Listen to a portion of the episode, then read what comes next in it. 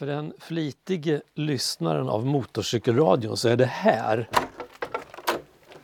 ett eh, ganska klassiskt ljud. Fast nu gnisslar det inte lika mycket som det brukar göra. Men det är dörren till garaget där min motorcykel står. Och det är ganska många avsnitt genom åren som har spelats in i garaget. Ibland har jag bytt olja, ibland har det handlat om andra saker som har gjorts här. Samtidigt som det har spelats in avsnitt av Motorcykelradion. Idag så har jag gått ut därför att verkligen göra verkstad av det där som vi pratade om, Johanna och jag i det senaste avsnittet. Sätta på underhållsladdaren. Det borde ha gjorts för länge sedan men det har inte blivit av än. Så det ska jag göra nu. Men jag tänkte så här, jag, jag kan ju liksom inte riktigt hålla mig. Jag måste ju testa om, om det finns kräm, om den startar eller inte. Så att på med tändningen, trycka in start.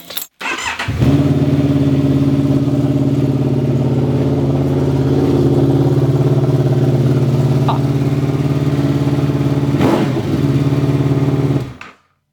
Det funkar. Det funkar ju. Men jag ska sätta på underhållsladdningen i alla fall. Det som pep nu det var GPSen som har suttit på här sedan, sedan senaste turen i slutet på oktober. Eller om det var början på november när Nisse och jag var till Karlstad. Eh, och den pep för att den behövde ha mer ström. Så den vill ha kräm i alla fall, så det ska vi fixa. Då så, då är allt som det ska. Klappat och klart för ett nytt avsnitt av Motorcykelradion och det börjar nu.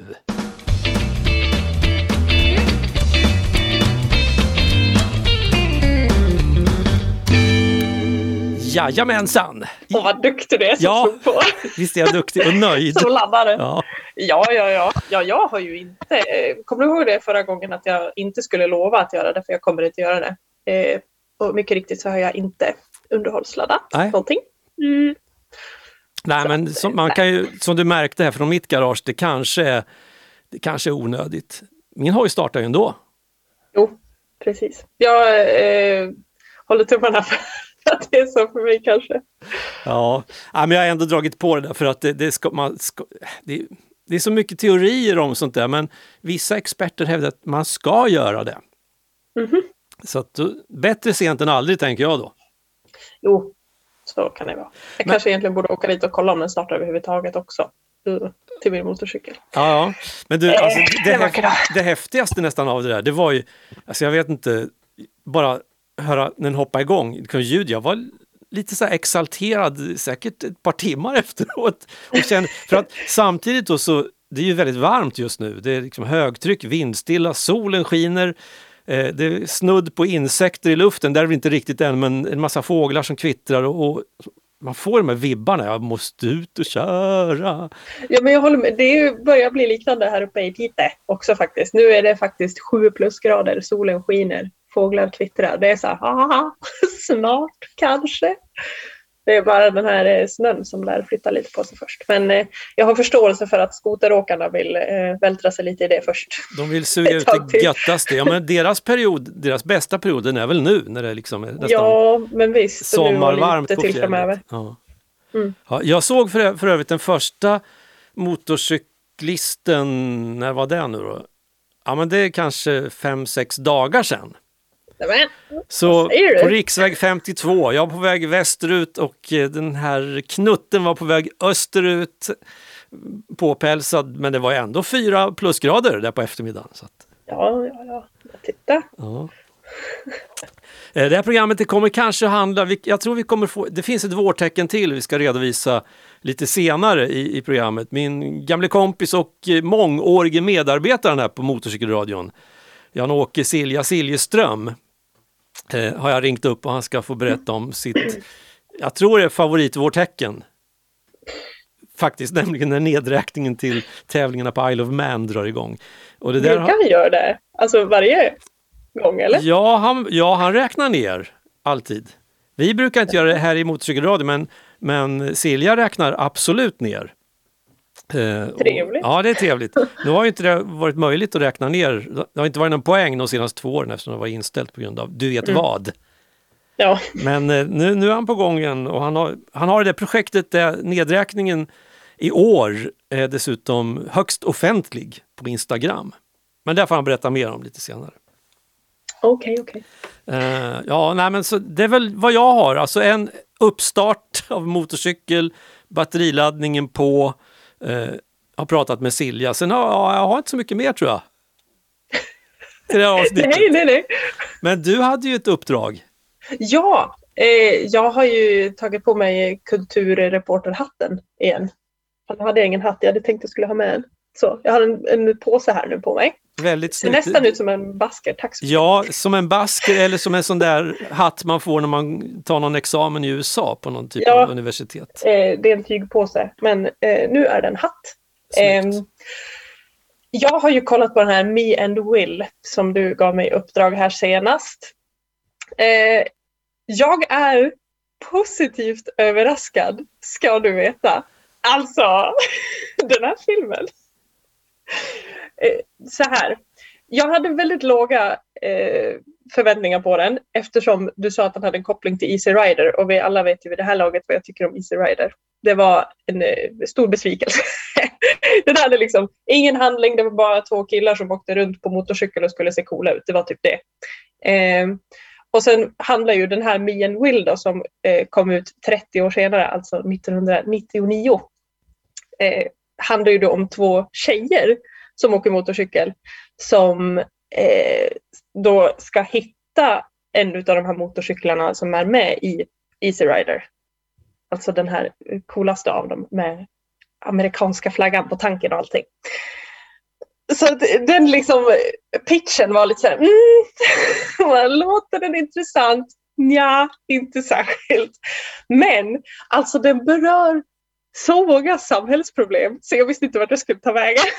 Det handlar om eh, missbruk, den handlar om eh, kvinnomisshandel, den handlar om eh, sexuellt våld, den handlar om att vara typ medberoende eller vad det heter när en nära eh, släkting har problem. Till exempel då i det här fallet var det en eh, mamma som hade OCD eller om det var grova tvångstankar. Jag vet inte exakt vart gränsen går där. Men ja, väldigt grova tvångstankar i alla fall.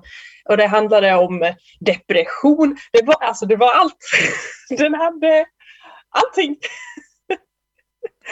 så, så jag blev helt så här, men, det här var progressivt för att vara 90-tal.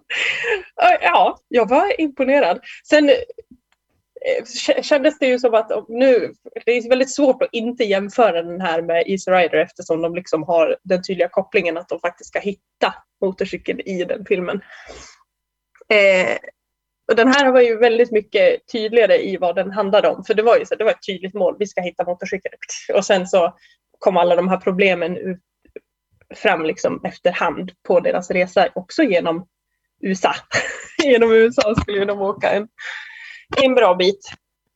Eh, men eh, det, den hade ju liksom några sådana här små grejer som man kunde störa sig på också.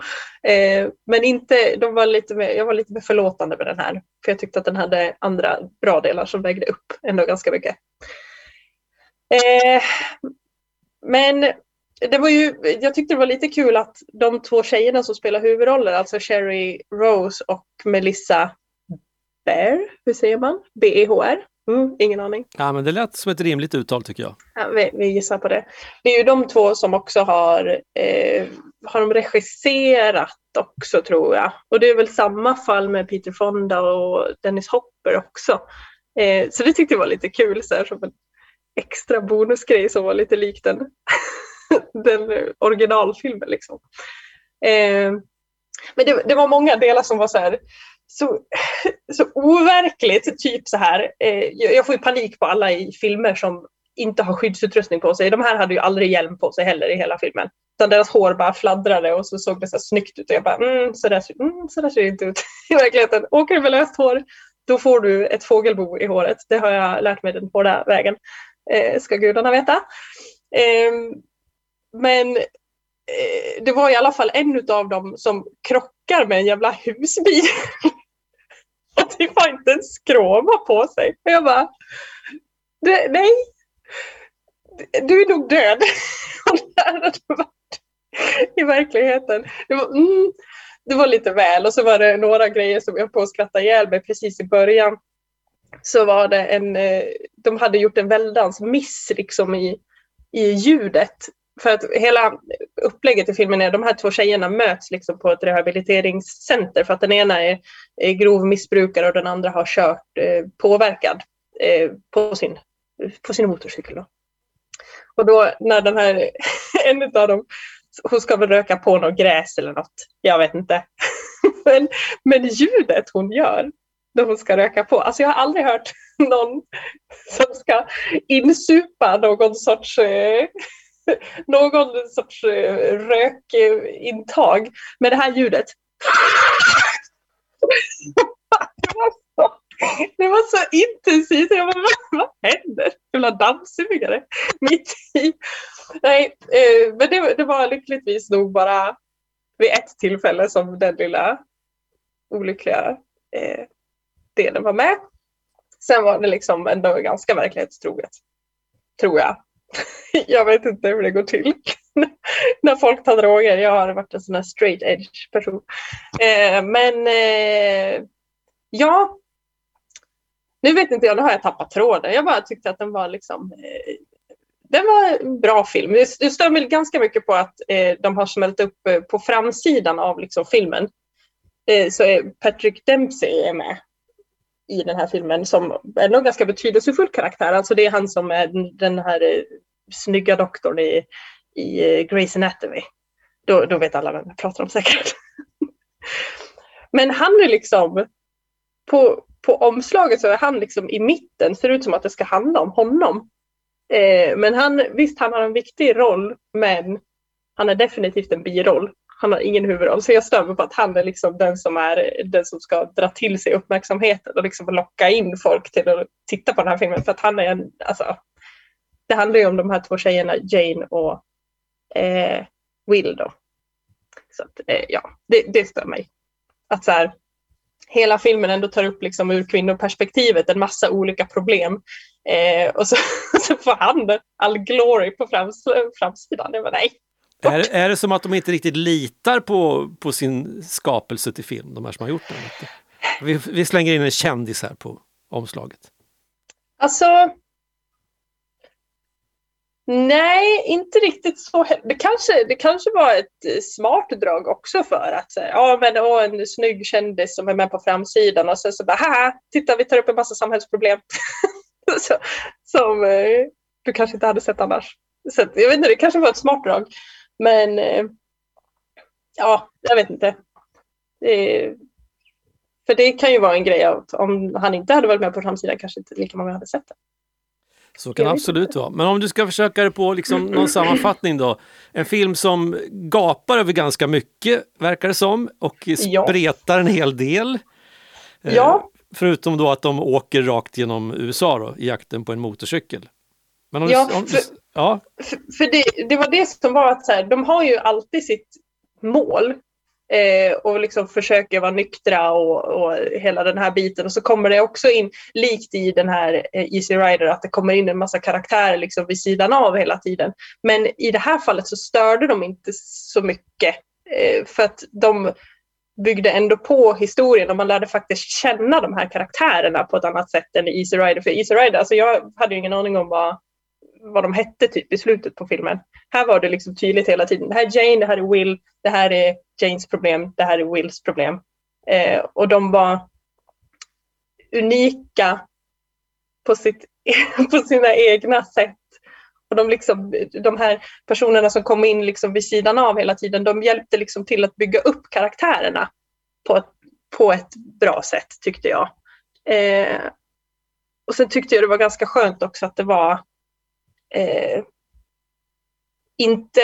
Jag var lite orolig att det skulle bli så stereotypiskt på något vis. Att så här, antingen ska det vara jättetjejiga tjejer eller jätte, liksom så här, åh nu ska jag vara manlig bara för att jag kör motorcykel. Men det var liksom den, jag, jag fruktade det. Men den där gränsen, liksom, de, de liksom vandrade över den hela tiden. Så det var... Ja men, de var så flytande i sina karaktärer och så, och så, är det ju i verkligheten också. Det finns liksom ingen som är helt liksom åt ena eller andra hållet. Så det var ändå skönt att de inte föll i den fällan på något vis. Och de, de uppfyller ju det här kravet, vad, vad heter det? Är det ja, just det. det. Dogma. När det är två kvinnliga karaktärer i en film som ska prata om någonting annat än en man. Ja men precis, det finns en, en, formel för det där som, jag, ja. som heter något. Ja, ja eh, jag har ja, för mig att det heter Dogma, men det kanske inte alls är det. det kan, jag kan drömma. Det heter ja, något men, annat, men vi skiter i det. Ja, skit i det. Ah, ja. Eh, det var skönt att de pratar liksom om andra saker än bara boys on their minds. det, det, har vi tillräckligt av i alla andra filmer, tycker jag. Eh, ja, förlåt, nu avbröt jag dig. Du var på väg någonstans. Nej, jag tänkte bara att vi skulle försöka luska ut något slags eh, eh, sammanfattande betyg. Alltså för, eh, nu är filmen den är 20 år gammal så det är väl ingen spoiler om du tar om hur gick det? Hittar de motorcykeln? Eh, ja, alltså om man, om man nu vill se den här och inte har sett det så kanske man ska hålla för öronen i inte, 30 sekunder. Eh, men men eh, den ena tjejen då, den här Jane, som har problem med att eh, hålla sig nykter, eh, tar ju en överdos och dör. Eh, och Will hittar till slut motorcykeln. Det är ju precis, alltså Jane faller ju på målsnöret. De är ju där och ska liksom precis åka till den här mannen som har den här motorcykeln då, som de tror, eh, men hinner dö innan dess. Men då får den här eh, Will hitta den och liksom för hennes skull. Ja. Och sen tyckte jag det var lite kul. Eh, är du tillbaka du som nu har hållit för öronen så kan du hålla för öronen i 30 sekunder till. För efter eftertexterna så fick ju liksom eh, de här Easy Rider killarna lite upprättelse också. För att då kommer det två killar i en pickup truck och liksom sitter och bara gormar någonting åt den här Will som kör Easy Rider motorcykeln.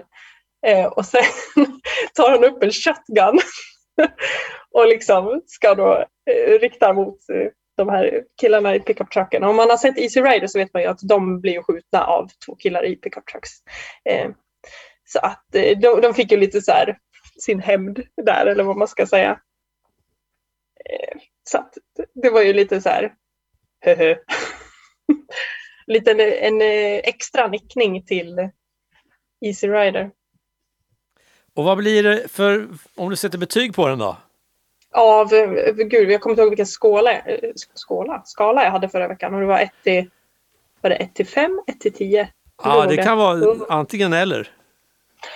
Ja, men får se. Om vi kör en skala 1 till 10 då, där 1 är sämst och 10 är det bästa jag någonsin har sett i hela mitt liv. Nej, det kanske var en väldigt bra film då. Eh, kanske en... Ja, men en sjua kanske. Om jag ändrar, reviderar min tia ja. till, det är kanske inte det bästa sett i mitt liv, för så jävla bra var men, men den var över förväntan. Ja, så var... en stark sjua. Stark sjua, klart godkänd med något litet plus i kanten till och med. Ja, men lite så. Ja. Kul, men vad roligt för att jag som sagt, jag har ju sett den men det var länge sedan nu. Så pass länge sedan så att jag inte ens kom ihåg hur den slutade.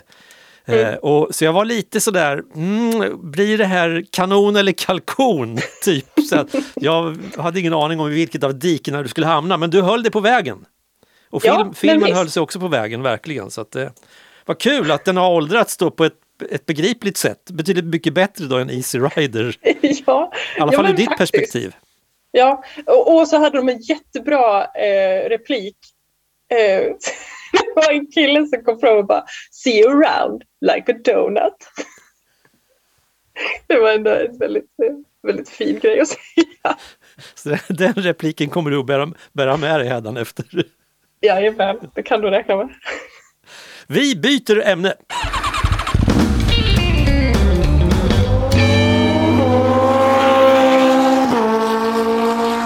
Ska det ju handla om lite, lite vårtecken. Jag menar, ett vårtecken upp hos dig det är väl att de här skoteråkarna numera kör omkring med bara överkropp eller någonting. Kan jag tänka.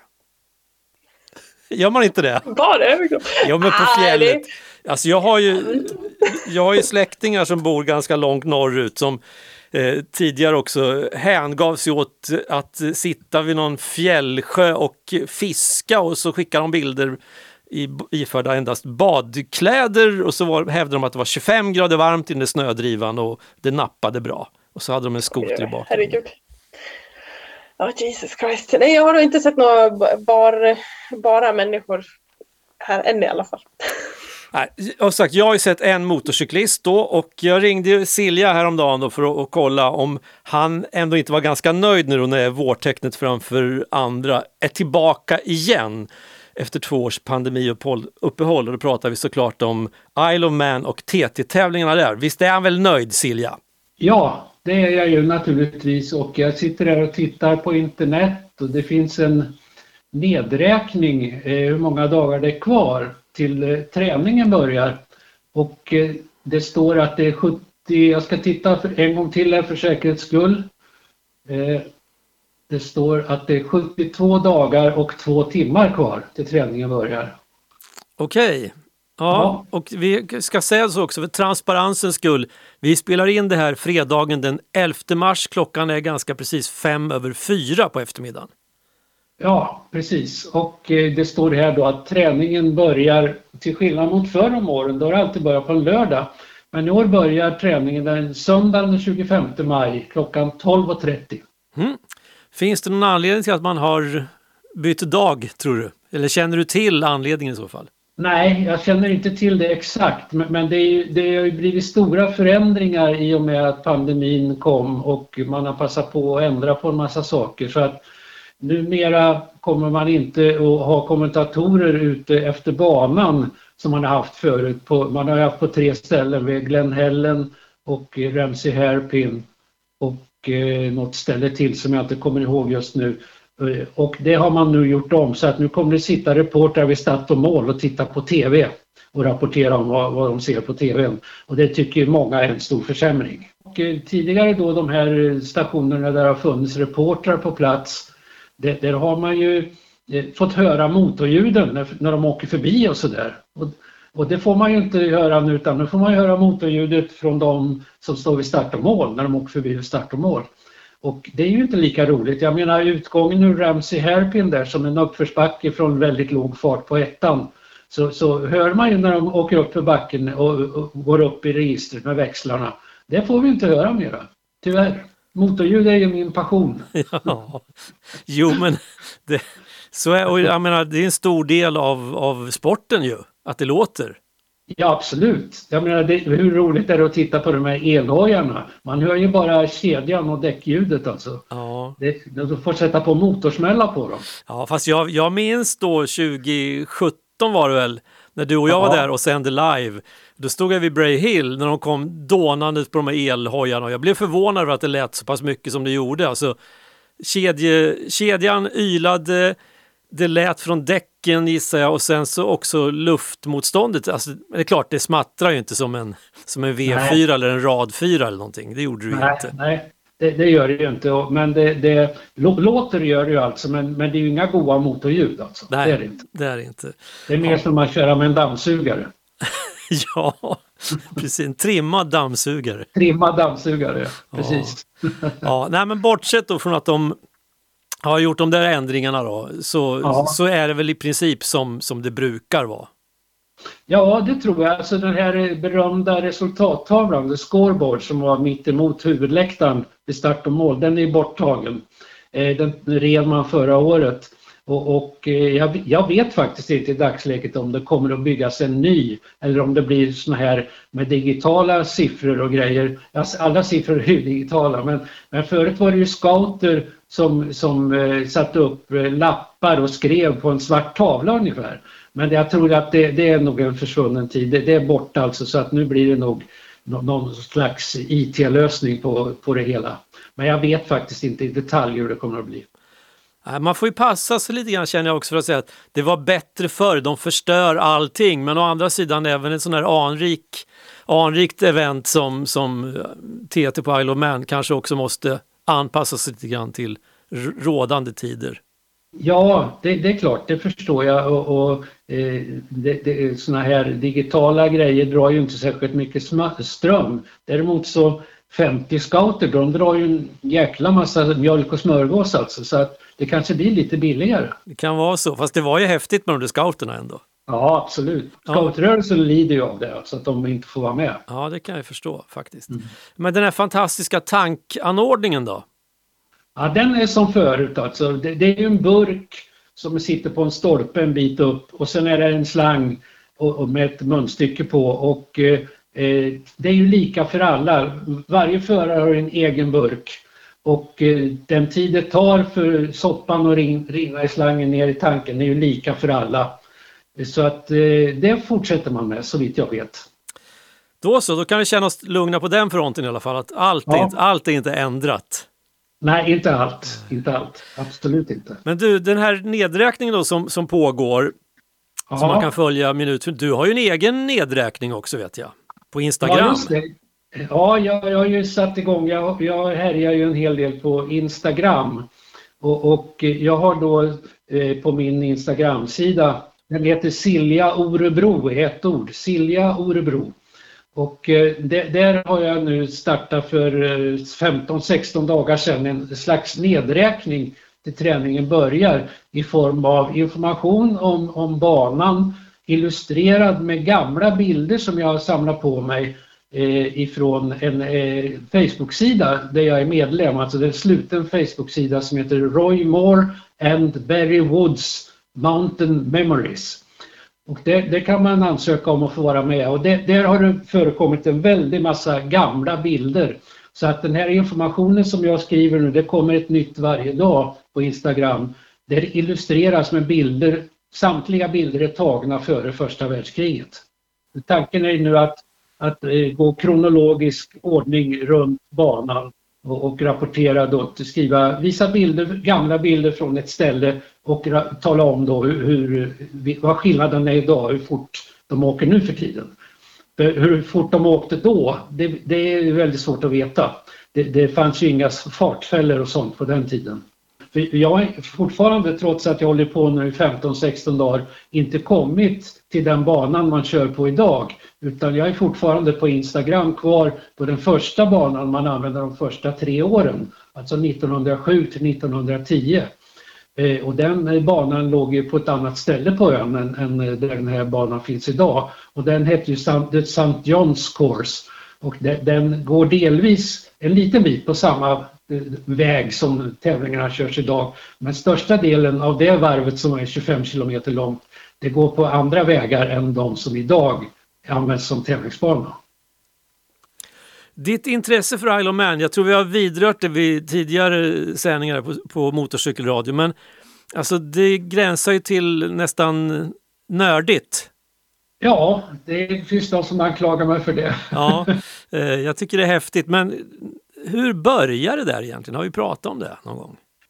Nej, det har vi inte gjort, men det börjar ju med att det fanns ju en, en, en officiell tråd om Isle of Man eh, som jag eh, var med och skrev på för ganska många år sedan och sen av någon anledning så stoppade myndigheterna den där för att det var mycket bus på den så att den, den finns kvar, det som är skrivet finns kvar men det, och det går att läsa men det går inte att skriva nytt, den är stoppad för input så att säga.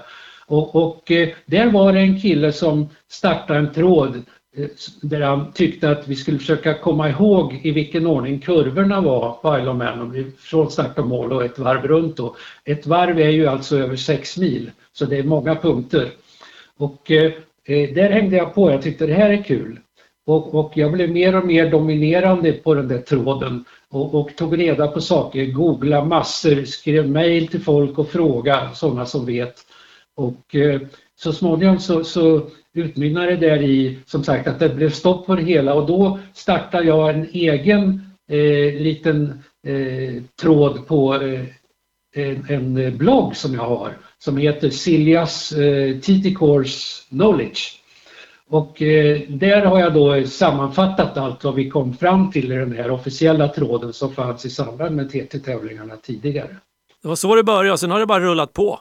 Sen har det rullat på ja och, och det, det, är många som har läst den där tråden nu på min blogg vid det här laget. Det, det är, eh, ja jag kan inte säga exakt hur många men det är över 100 000 i alla fall. Och, och eh, på, på den där tråden som fanns, den officiella som eh, TT-arrangören hade, det var ju på just bara på den tråden alltså som handlar om TT Course Knowledge eller kunskap om, om TT-banan. Det, det, var ju över en miljon besök på den sidan.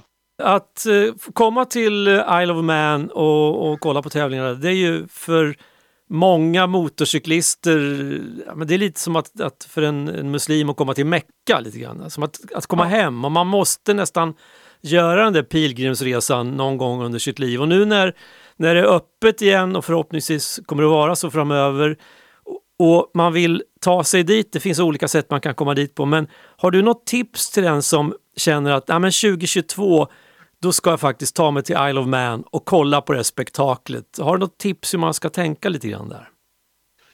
Ja, först måste man ju tänka på hur, hur man ska transportera sig dit och om man ska med motorcykel eller om man ska åka eh, cykel eller gå när man kommer fram eller taxi eller vad det nu kan vara.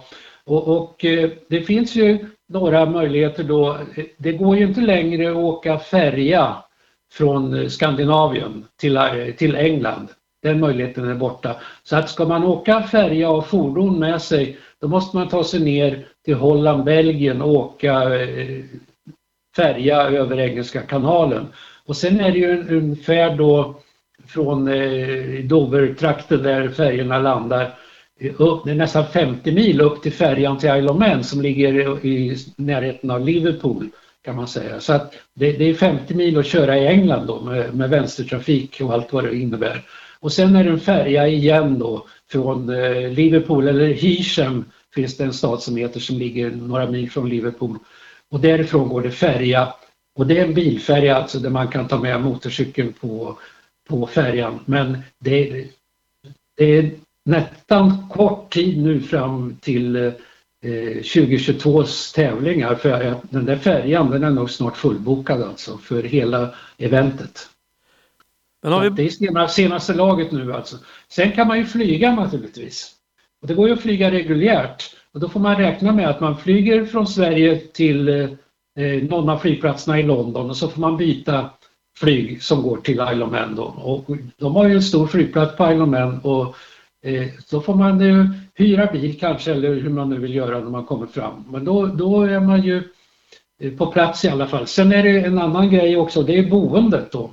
Och det, det, finns ju inte massor med boende på, på ön, det är ett begränsat antal med hotellrum. Och, eh, så där måste man också vara ute i god tid och boka boende. Alltså. Men vi säger något, vi har lyckats ta oss över till ön på något sätt. Vi har hittat ett ställe att bo på. Eh, vi har ingen bil med oss eller någonting, eller motorcykel. Utan vi är i närheten av, av, av Douglas kan vi säga. Ja, Douglas är huvudstaden. Mm, ja. Precis, vi, har, vi, vi, är inte så, vi är inte så äventyrliga, vi har inte tagit oss så långt bort helt enkelt. Nej. Vart ska vi vända oss då när, när träningarna och racen börjar? Vart ska vi ställa oss någonstans för att kika, tycker du? Ja, för första kvällen för att få lite uppfattning om var, var, man befinner sig och vad det handlar om det är ju att gå, gå till Bray Hill alltså. Det, det är ju gångavstånd, det är inne i stan i Douglas kan man säga. Bray Hill det är en lång, lång nedförsbacke och med en svacka och en liten högersväng längst ner i svackan och så är det en uppförsbacke efter svackan. Och eh, där eh, nere i botten på svackan, det, det är de som kör fortast där, de kör 300 km i timmen.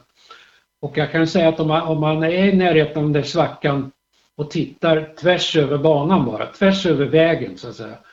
Då, där lovar man hinner inte ens se vad det är för färg på motorcyklarna. Måste titta, vrida på huvudet för att hinna med och se någonting. Alltså. Jag har ju själv stått där och tittat och konstaterat att det där med att vrida på huvudet, då får man bestämma sig. Antingen tittar jag på motorcykeln så att jag möter den med blicken eller också får jag vänta till att vrida på huvudet innan så jag kan titta på motorcykeln bakifrån för att vrida samtidigt och försöka följa med med blicken, det går ju inte. Nej, man måste titta åt höger eller vänster ja. alltså. Men tittar man rakt fram då hinner man inte se någonting. Nej, nej. Och då ska man väl också lägga till att när man står då inne på ja, på, på, en gräsmatta bakom en mur så är det liksom typ en två meter bred trottoar och sen kör de. Så man står ett par, ja. tre meter ifrån bara. Ja, till, max fyra meter skulle jag vilja säga för de som står närmast. Längre ifrån bankanten är det inte alltså. Så att det blir en fantastisk fartupplevelse mm. som är helt otrolig. Så att det, där ska man ju ta sig första kvällen. Men sen eh, senare i veckan, det pågår ju tävlingar då varannan dag i en hel vecka. Först träning varannan, alla dagar i en vecka och sen är det tävling varannan dag veckan därpå. Då, då kan man ju, det går ju att åka buss, det går att åka tåg ut på banan, alltså ut till olika ställen. Banan går ju över halva ön kan man säga. Ön är ju ungefär lika stor till ytan som halva Öland. Så att det är ju inte så stort, det är inte så långa avstånd. Den är två mil bred och ungefär fem mil på längden. Och banan är halva det där kan man säga, halva det området. Så att man, man det är inte svårt att ta sig ut med, med buss eller tåg eh, till olika punkter på banan. Och om man tar med sig störthjälm så kan man lifta med någon motorcyklist om man vågar. Ja, det, om man vågar ja. Det är väl en och ja. annan entusiast som är där också. Ja, det är ju det. Men, men eh, det finns ju folk som, som eh, gärna sätter någon på bönpallen för att transporteras ut efter banan. För det är enklare att ta sig fram med motorcykel för det är mycket trafik innan man avlyser vägen då för själva tävlingen eller träningen. Så att eh, man, eh, man eh, det är lättare att ta sig fram med motorcykel än med bil. Alltså. Mm. Sen ska man väl också kanske tipsa om att man ska beväpna sig med tålamod för att det kan ju vara så att man tar sig iväg för att ställa sig i den där fantastiska kurvan någonstans ute efter banan och så blir vädret dåligt och så blir det ingenting. Ja, och det kan ju till och med vara så att det är jättefint väder när man står men så är det snö eller hagelstorm uppe på berget. Och då blir det ju ingen tävling och det har ju hänt eh, det är dieselspill och det är bönder som tappar halm på vägen och det kan hända alla möjliga saker så man måste ha gott om tid eller stort tålamod när man ställer sig någonstans. Och så man ta, ha med, det är väldigt viktigt, ha med sig en liten radio så att man kan lyssna på Manx Radio och, och höra vad som händer och det är också bra rapporter då i radion om vad som händer under tävlingen. Men som, som jag sa tidigare att från och med i år då så finns det inte rapporter ute efter banan utan de, de, som rapporterar sitter vid start och mål och tittar på TV och rapporterar om vad de ser på en TV-apparat. Mm, som sagt, det är ju ett tag kvar till, till det är dags att dra igång tävlingar där då, så att eh, vi andra får väl ägna oss åt några andra typer av förberedelser. Har du sett några sådana här vårtecken med motorcykelögon än? Ja, väldigt få. Jag, jag har sett eh, ja, kanske tre motorcyklar eh, åkandes på, i gatorna här i Örebro. Och, och eh, det, det, är mest sådana här eh, terränggående BMW-motorcyklar och någon Harley har smattrat förbi. Men det är inte mycket alltså. Två, tre, fyra kanske jag har sett hittills i år. Däremot vimlar det med mopedister som kör omkring mat till folk i hela stan. Just det, men det är nog en helt annan historia. Det är en annan historia, ja. ja, nej men Silja, stort tack! Men då kan vi ju ägna oss åt Instagram då och din nedräkning där. Ja, just det. Och jag tittar igen här nu, jag tror jag sa fel först i början. Den här Countdown TT 2022. Det står 78, just nu står det 78 dagar, 1 timma, 56 minuter och 45 sekunder. Nu!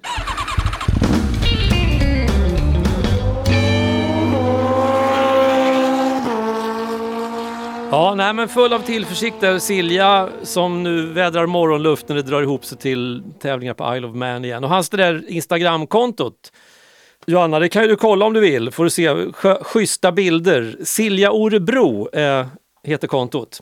Yes, jag har faktiskt redan varit inne och tittat lite. Du har det? Eh, tidigare idag, för jag fick ju veta i förväg vad kontot hette. Det är, det är fan ganska häftiga bilder de här som är supergamla. Jag såg en, ja men alltså, återigen, jag får ju panik när folk inte har utrustning. Alltså begär, begär, inte för mycket av 1921 års modell eller ja. 27 eller vad det är. Ja, gud, men de, alltså, ja, de har ju ingen skydd alls. Visst, det går ju inte i 300, gick ju inte så fort på den tiden. Eh, men, men ändå, man kan nog göra illa sig ganska mycket. Jo, men det tror jag nog. Jag menar, ganska riska. Det är grusväg mycket de körde på då och motorcyklar som inte är av denna världen. Och som sagt, Mm. en keps liksom. Mm, mm, men precis. Nej, usch. Men du, du som har varit där. Eh, jag, jag måste bara fråga om hur, hur ser det ut? För just det här när han säger att ja, men de kan åka i typ 300 kilometer i timmen. Är det så? Står folk liksom intill vägarna och är det så här Ja, små krokiga ja, vägar? ja är- absolut. Om du, eh, vad ska man tänka sig? Alltså det är ju, det är, ju- det är, det är väldigt engelskt på Isle of Man. Det är väldigt mycket mer England alltså, än, vad man, än, vad, än vad jag hade föreställt mig. Det är väldigt mycket England, engelsk, en engelsk, engelska småstäder och byar. Det är smala vägar. Om du tänker såna här vägar som är 70 kilometer skyltade i, i södra Sverige, krokiga, Mm. gru, krokiga asfaltvägar. Eh, men istället för mjölkpallar efter vägarna så är det stenmurar, det är en, eh, jag menar, en trappa in till en pub eller någonting. Så det finns inga avåkningszoner, eller också är det alléer.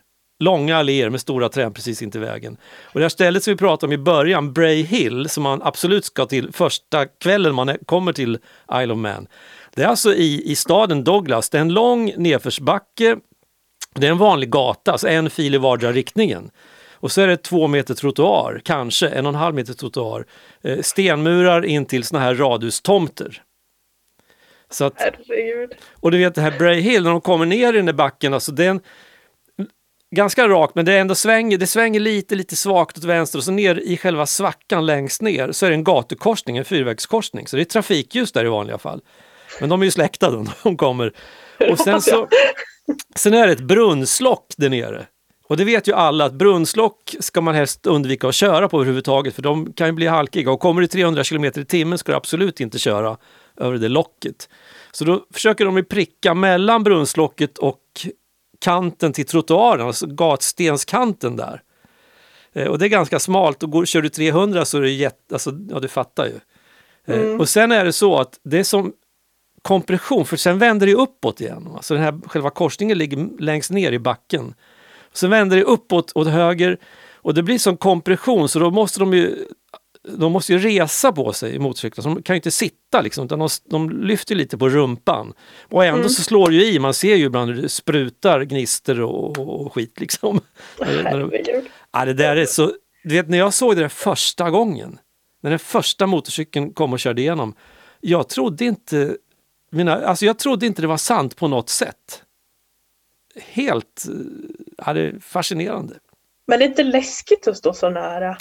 Det, det, för jag har sett videor på Youtuben Mm. på liknande tävlingar. Jag tror inte jag kollar på något TT så men, men alltså jag, jag, ah, jag blir ju rädd å andras vägnar. Ja, just där, där vi stod, vi stod i någon trädgård till någon typ av, eh, jag vet inte om det var en pub eller vad det var. Eh, Så där var det ju, vi hade ju en, en redig stenmur mellan oss och trottoaren och, och vägen. Eh, Och så tänker man, ja, men just där, där vi stod kanske 20 meter innan själva den där korsningen, eh, Mm. där kan det ju egentligen inte hända någonting så. I alla fall inte för åskådarna, det tror jag inte. Men, men Mm. visst, alltså, de har ju mycket säkerhetsföreskrifter, alltså människor som åker runt och de stänger av och det, är- man får inte stå överallt och så här. Så att man försöker ju se till att åskådarna står på ställen som är, som är hyfsat safe i alla fall då, så gott det går. Och en fördel, ja, och egentligen, men egentligen är det så här om man ska vara riktigt seriös. Att jag tror inte det är åskådarnas säkerhet som är det stora problemet på Isle of Man utan det är ju att de kör på vanliga vägar eh, med allt vad det innebär av trottoarer och gatstenar och målade streck och, och trän och murar och stengärdsgårdar och allt sånt där. Så att åskådarna står rätt säkert på de allra flesta ställen utan det är ju de som kör såklart som, som det vill ju till att hålla tungan rätt i mun, så kan man ju säga. Ja, De gör det med berått mod, de vet vad de gör och det är det bästa de vet. Att köra motorcykel fort, där. Så att, eh, ja, jag vet inte. Det, det är inte helt lätt, för jag menar när, vi var där, när jag var där 2017 så var det ju ja, då kom ju meddelandet ett par gånger i alla fall under den där veckan att någon hade, hade tragiskt omkommit då i sviten efter en, någon sån här krasch på banan där. Så, att, eh, så det är ju läskigt såklart. Det sätter ju... Och samtidigt så är det ju, det är å ena sidan, å andra sidan är det ett sånt otroligt galet spektakel mitt uppe i alltihopa. Så mycket folk, så mycket motorcyklister och så mycket motorcyklar och allting handlar bara om, om eh, motorcyklar under de här veckorna. Liksom. Det, så det är, det, det är ett häftigt evenemang oavsett vilket. Liksom. Jag det är bland det häftigaste jag har varit på. Så att, och jag har ju hört den där, alltså man pratar om att det är ett mecka för motor. Man måste ha vallfärdat dit en gång i sitt liv. Mm. Eh, och när jag var där så kände jag att ja, det är så. Man borde ha varit här en gång i sitt liv. Jag har varit där en gång och jag vill nog absolut komma tillbaka. Eh, men då kanske jag ska satsa på tävlingarna som går eh, på hösten. Då är det inte TT, mm. då är det, då är det Grand Prix. Alltså då är det lite lugnare tävlingar. Då, kör, då är det mycket så här klassiska hojar, alltså avdankade tävlingshojar från förr. Så att det är inte lika hysteriska tävlingar, det är inte lika hysteriskt mycket med människor och så. Och så får man ju se coola hojar. Så. Och så kan man också få avnjuta, tror jag, brittiska öarnas bästa fish and chips. Det finns nog där på Isle of Man, det vågar jag mm. påstå. Mm. Så att, det, ja. det är ju ändå väldigt gött. Det är ju det. Och, och sen, är, för att avsluta Isle of Man-resonemanget, eh, en grej som också slog mig, jag har ju varit på massa ställen på olika tävlingar, till exempel att titta på MotoGP eh, i, i Assen. Det är också en sån här klassisk MotoGP-bana alla borde ha varit där någon gång och kollat på tävlingarna i Assen i Holland. Eh, och det är framförallt för att det är ett sånt galet party i stan på kvällarna. Så otroligt galet. Det finns få tror jag som kan festa som holländare. Öl i plastmuggar och sen sån här eurodisco liksom på volymer som får gamla kyrkklockor att nästan spricka. Så det är fullständigt galet. Jättemycket folk och så.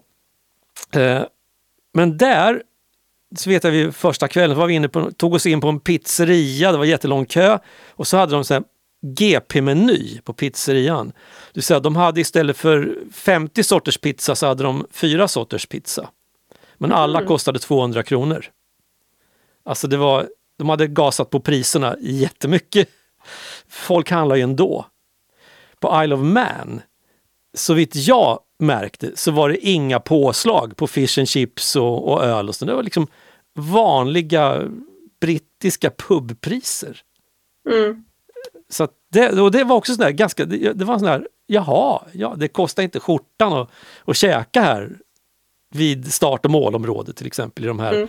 eh, mattälten som fanns där. Det var vanliga priser. Och det var liksom tummen upp för mig. Bland mycket ja, annat såklart. Men det, det, sånt även om det är liksom en liten del av det, för visst så här, hade det kostat mer så är det säkert att man hade köpt det ändå, för man lär ju ändå äta någonting. Men just en sån där grej att man inte höjer priserna, det känns lite mer så här mysigt. så här, men, va? Vad gemytligt av er att, att ja. inte göra det. Det känns så, ja, men så genuint och liksom ja men, ja men det känns så hederligt på något vis. Ja men det gör det. Eller vad man ska ja, säga. Nej, men själva känslan där på Pile of Men, den är mysig och, och gemytlig och jag tror, eh, om vi säger så att man åker dit alltså, det är ganska hysteriskt under de här tävlingarna såklart. Alltså, ganska, det är väldigt hysteriskt egentligen. Mm. Eh, men jag kan, skulle mycket väl kunna tänka mig att åka till Isle of Man eh, mellan tävlingarna till och med när det är lite lugnt. För att det var så mysigt engelskt. Alltså jag var inte beredd på, på att det var så engelskt, för det är ju inte England. Men alltså det var väldigt, väldigt engelskt med små pubbar och, och allting är i putteformat. Liksom. Ja. Och en, häst, bara en hästdragen spårvagn, bara en sån sak. Och med, med en, ja, och med en gård utanför stan där de pensionerade spårvagnshästarna får leva återstoden av sina liv på ängar fulla med klöver. Alltså. Visst, är det vackert? Visst är det vackert? Jättefint! Ja. Oh, hästpensionat. Ja. ja, precis. Ja, det är sånt vi pratar om här på Motorcykelradion. Hästpensionat Ja, men det har i alla fall en, en hästkraft per fordon. per enhet. Ja, men precis. Ja. Så är det. Ja, nej men har vi något mer på gång? Har vi något uppdrag? Eh, Jag kan, jag kan eh, berätta en sak. Ja, Det här testet som jag pratade om lite tidigare, som jag fick för mig hette Dogma. Dogma är ju något helt annat. Bechtel, Bechtel, just det. Bechteltest heter det ju för tusan. Det här att eh, två kvinnor i en film ska prata med varandra om någonting annat än eh, män. Jag bara, bara klargöra det. Och den, Me and Will uppfyller, den klarar det testet galant. Ja, men den gör ju det. Jag tror att de pratar om män någon gång, men annars handlar det ju liksom om eh, deras uppdrag. Det handlar om filmer, det handlar om drugs och annat. Men det är inte män i alla fall. Så att, eh, trevligt, trevligt, trevligt. Me and Will kan finnas eh, som DVD i någon reaback kanske fortfarande någonstans. Ja, Men du också- hade ju hittat din sa du. Jag, din ja, precis. Jag hittade min DVD nu här i garaget. Den låg ju på ett ställe som jag inte visste att jag hade grejer på.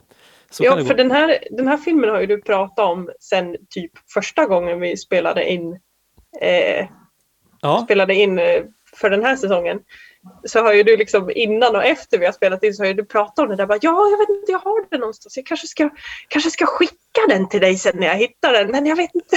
så nu när jag hittar den liksom på annat håll då bara, det jag hittade Ja, den men i så- garaget. så är det. Så är det. Men den har, den har pratats om frekvent här. Mm, absolut, jo, men det är en, en sån grej, en, en snackis här på redaktionen kan vi säga. Så att, Ja, kan eh, man säga. men nu när jag har hittat den, jag ska, jag ska faktiskt titta på den igen. För det var länge Ja, men- sedan jag såg den. Ja, men den, är, den är sevärd kan jag med gott samvete säga. Att ja, gör det. Och vill man, vilka, jag kan skicka med ett tips, jag tror kanske jag pratade om det för länge sedan, men jag upprepar i så fall det här tipset. Om man vill följa en, en tjej som kör motorcykel precis just nu ute på ett fantastiskt häftigt äventyr. Eh, Då ska man gå in på tuben, Youtube, och söka efter Itchy Boots. Itchy boot. Itchy Boots. Eh, Hon är från Holland.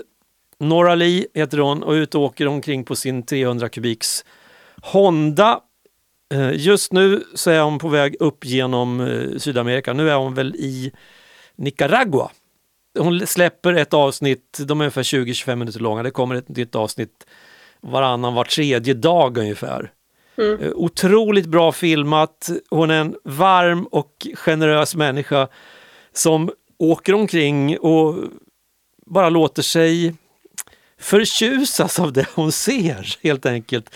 Och hon äter konstig mat och träffar människor och ja, men det är så bra. Alltså jag, jag slukar de där avsnitten när de kommer så jag har hela tiden koll på henne när det kommer ett nytt avsnitt. Itchy Ja. Boots. Yes. Rekommenderas varmt. Får kolla upp. Ja, ska vi säga som vi brukar att vi, vi hörs av om några veckor? Ja, men det kan vi väl göra. Har du, har du någon ny film jag ska recensera förresten? Jag har ju inte det. Oh my god. Nej, så att... Eh, jo, Men, eh, ja, nej. Eller nej, vad sa du? nej jag, jag har ju, men, nej, men jag känner att vi, vi, vi har avverkat den här typen av road movies. Ja, de med, med resan ja. Ja, Eh, men, eh, men vi nämnde ju några. ja just det. Vi nämnde ju den här. Världens snabbaste Indien. Som heter Citrongräs och motorolja tror jag. En alternativ titel på svenska. Världens snabbaste Indien. The World's fastest Indian. Men är inte den som är- blir nästa då? Jo men då blir det nästa. Anthony Hopkins Anthony Hopkins. spelar huvudrollen. Gör han väl. Vet Jag har här namn eh, blackout så jag kan ju få för mig att någon heter något som den inte heter. Men jag tror att, att han heter så. Anthony Hopkins är ju han alltså, som spelar Hannibal Lecter också. Ja men precis. Ja. Är, det- är, det, är det Hannibal Lecter som kör motorcykel? Ja, ja då så. Då är det rätt. då är det rätt. Ja, men den, den är bra. Film. Säger, nu lägger jag orden i din mun, men jag tyckte, så här, jag tyckte det var en bra film. Vad tycker du? Ja, eh, det är bra. Bra får- formulerat. Det får vi höra nästa gång. Jajamän. Och jag tror, nu ska vi se, vad har vi för datum nu? Nu är det liksom typ 12 mars. Yes. Ja, men vi kanske hinner få ur oss ett avsnitt till innan mars månad är över då. Jo, men det ska vi väl ändå tro. Mars 2022. Ja, just det. Nu. Om jag säger ett datum, då svarar Siri genom min klocka. Ja, det. Ja, det är helt, det är helt snurrigt här i världen. Ja, så kan det vara. Mm. Ja, men det är ju nästan tre veckor kvar på mars månad. Precis. kunna. Innan mars månad är slut så har vi ett nytt avsnitt eh, från Motorcykelradion helt enkelt. Si, senior. Yes. Det blir bra. Ha det gött! Hörs! Hej Bye, bye. svejs!